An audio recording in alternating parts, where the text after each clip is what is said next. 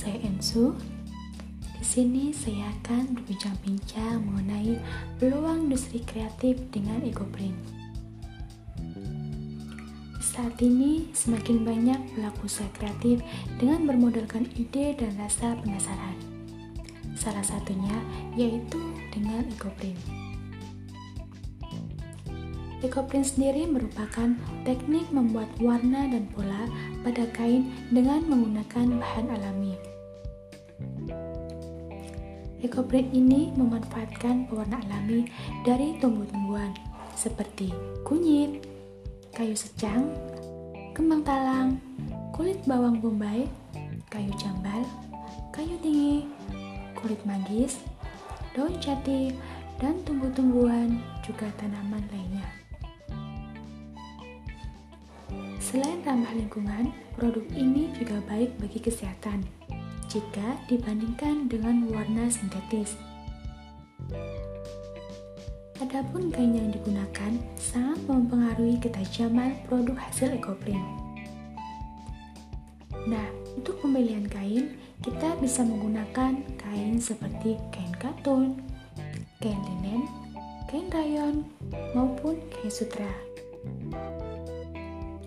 Namun, penggunaan kain sutra akan memberikan warna yang lebih tajam dibandingkan dengan kain katun.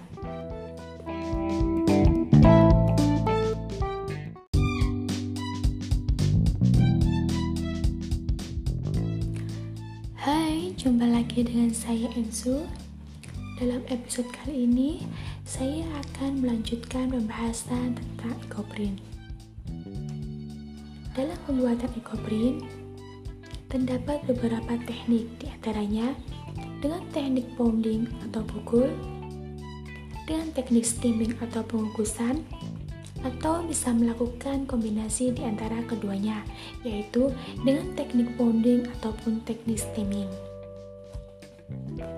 Alat dan bahan yang harus disediakan dalam pembuatan ekoprint, di antaranya plastik untuk membungkus, pipa PVC dengan ukuran 1,5 inci sepanjang 1 meter atau menyesuaikan kebutuhan atau juga bisa menggunakan tongkat kayu. Tali jenis plastik panci untuk mengukus kain tawas kemudian larutan juga dengan biang 70% cara membuat ekoprint pertama rendam kain dengan air tawas atau dapat menggunakan 70 gram per liter air selama satu hari. Perendaman ini bertujuan untuk menghilangkan lilin yang terkandung dalam kain. Juga bisa mengawetkan hasil warna agar tidak mudah pudar. Kemudian, rendam daun dan bunga segar pada larutan cuka supaya warna alami pada daun dan bunga keluar secara maksimal.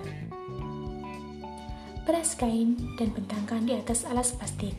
Susun daun dan bunga untuk menghasilkan motif dan corak yang diinginkan. Kemudian, lilitkan kain pada pipa atau tongkat kayu, lalu ikat dengan tali. Pengukusan kain dilakukan selama 2 jam. Setelah proses pengukusan, angkat, bersihkan daun dan bunga yang menempel, lalu kain dapat dijemur hingga kain siap digunakan.